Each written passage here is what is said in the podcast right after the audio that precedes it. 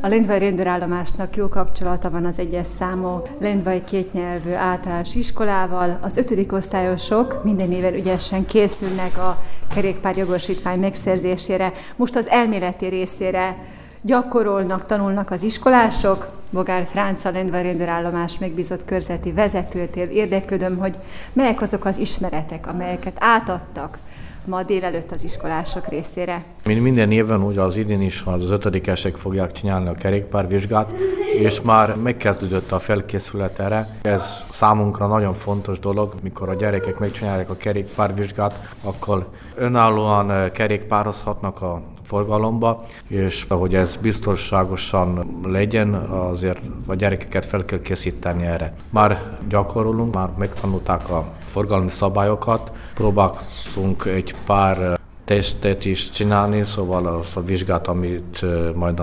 számítógépen keresztül kell, hogy a gyerekek elvégezzék gyakorolni, de persze ez sok időt fog venni még a gyerekek számára, mert az iskolában nincs elég idő, hogy erre felkészüljenek, úgyhogy talán felhívném a szülők figyelmét arra, hogy ügyeljenek le a gyerekekkel és gyakorolják ezt a számítógépen. Minden gyerek kapott egy címet, ahova interneten be kell jelentkezni, és ottan gyakorolhatják. Milyen helyzetek láthatóak ebben a számítógépes programban?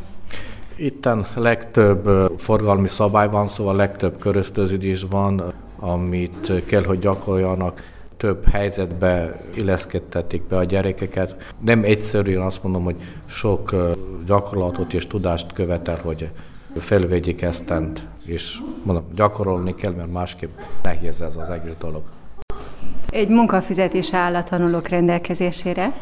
Igen, van egy munkafizetés, itten általában a szabályokról van szó, szóval a forgalmi szabályok vannak itten bemutatva. Ez egy ilyen első lépések, hogy megtanulják a szabályokat a forgalomról. Így az elméleti résznél melyek azok a ismeretek, amelyek alapfeltételek egy jogosítvány megszerzéséhez?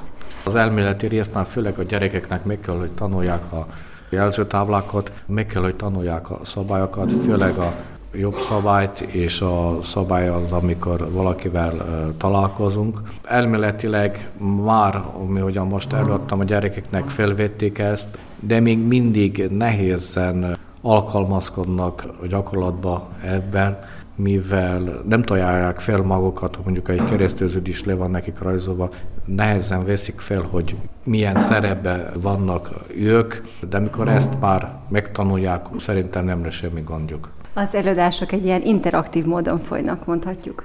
Igen.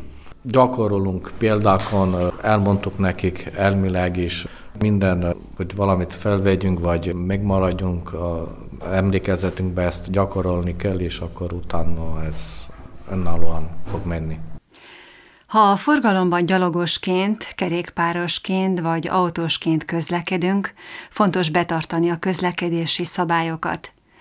A KRESZ szabályait pedig jó minél előbb elsajátítani. A balesetmentes közlekedés érdekében tehát fontos, hogy betartsuk a szabályokat, de törekedjünk arra is, hogy a közlekedés többi részvevőire is odafigyeljünk.